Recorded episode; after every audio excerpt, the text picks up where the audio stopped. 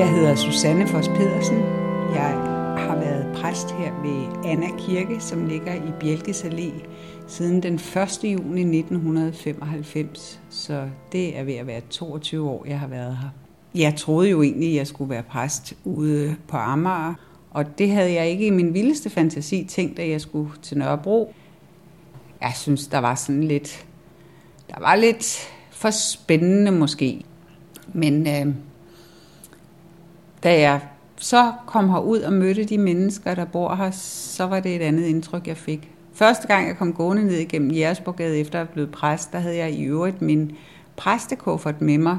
Og så da jeg kom ned i et af huggene, så sad der sådan en hel masse gæve gutter med rygmærker på, og så ret seje ud. Og jeg kom slævende der med min kuffert.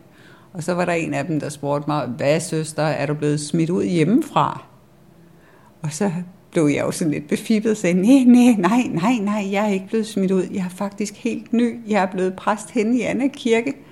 Og de vidste alle sammen, at Anna Kirke lå i den næste gade ved siden af Jespergade.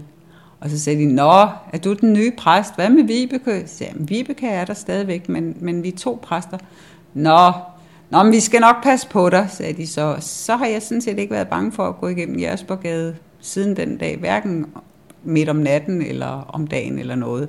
Og nu, efter vi har fået kvartersløft, og efter at beboerne i Aspergade også har gjort en stor indsats, så, så ligner det jo mere en spændende gade i Berlin, når man går igennem i Aspergade. Så det er jo også blevet et meget anderledes kvarter. Men der er stadigvæk også nogle af de sjove originaler. Jeg møder Tommy hver morgen.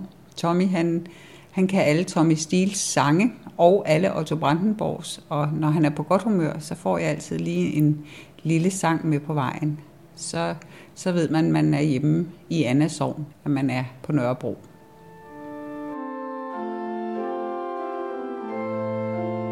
Det er jo spøjst og sådan kigge ud over bænkene, og så kunne huske, hvem der plejede at sidde på den og den bænk. Dernede plejede Nora at sidde. Nora, der altid kunne trylle alting ud af ingenting, og altid havde en æblekage med, eller en, en rest frikadeller, eller et eller andet. Der var altid noget, Nora havde med, og, og der sad Tove Jensen, der havde de der fantastiske puder på lårene, sådan så hun ikke faldt og brækkede sine hofter hele tiden. Det havde hun ellers haft en sørgelig historie med, og, og her sad Egon Gabrielsen, opkaldt efter en ærkeengel, som hver søndag fortalte, at nu synes han også snart, at vi skulle have hønder på bænkene.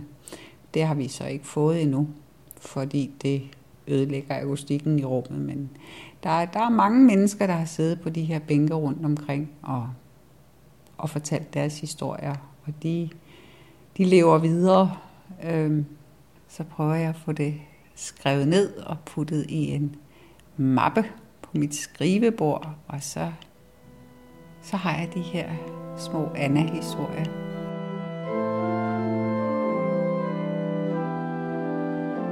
Det var en mand, der boede ret tæt på kirken, faktisk her i Bjelkes Allé.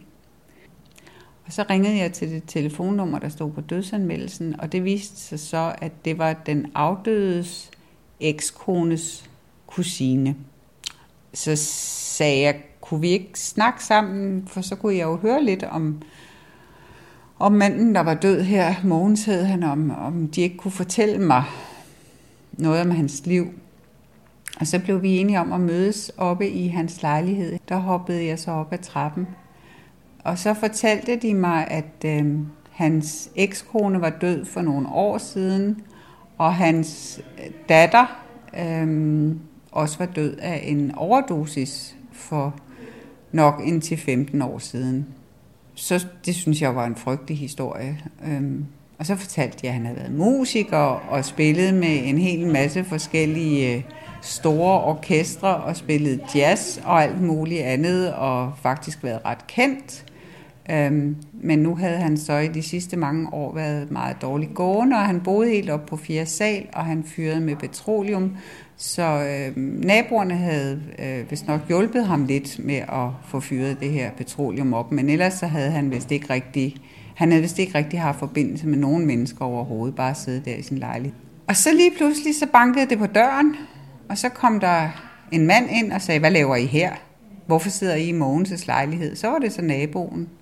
Og så fortalte de, at Mogens var død, og Nå, er han død? Nå, jamen, hvornår skal han så begraves? Så det skulle han så derude fra krematoriet af. Jamen, øh, vi kommer med nogle blomster. Så sagde jeg, hvem er vi? Jamen, det er også her i opgangen. Vi har jo holdt hans 75 års fødselsdag ved en stor havefest her sidste år. Nå, som jeg, jeg troede ikke, han havde kontakt med nogen mennesker.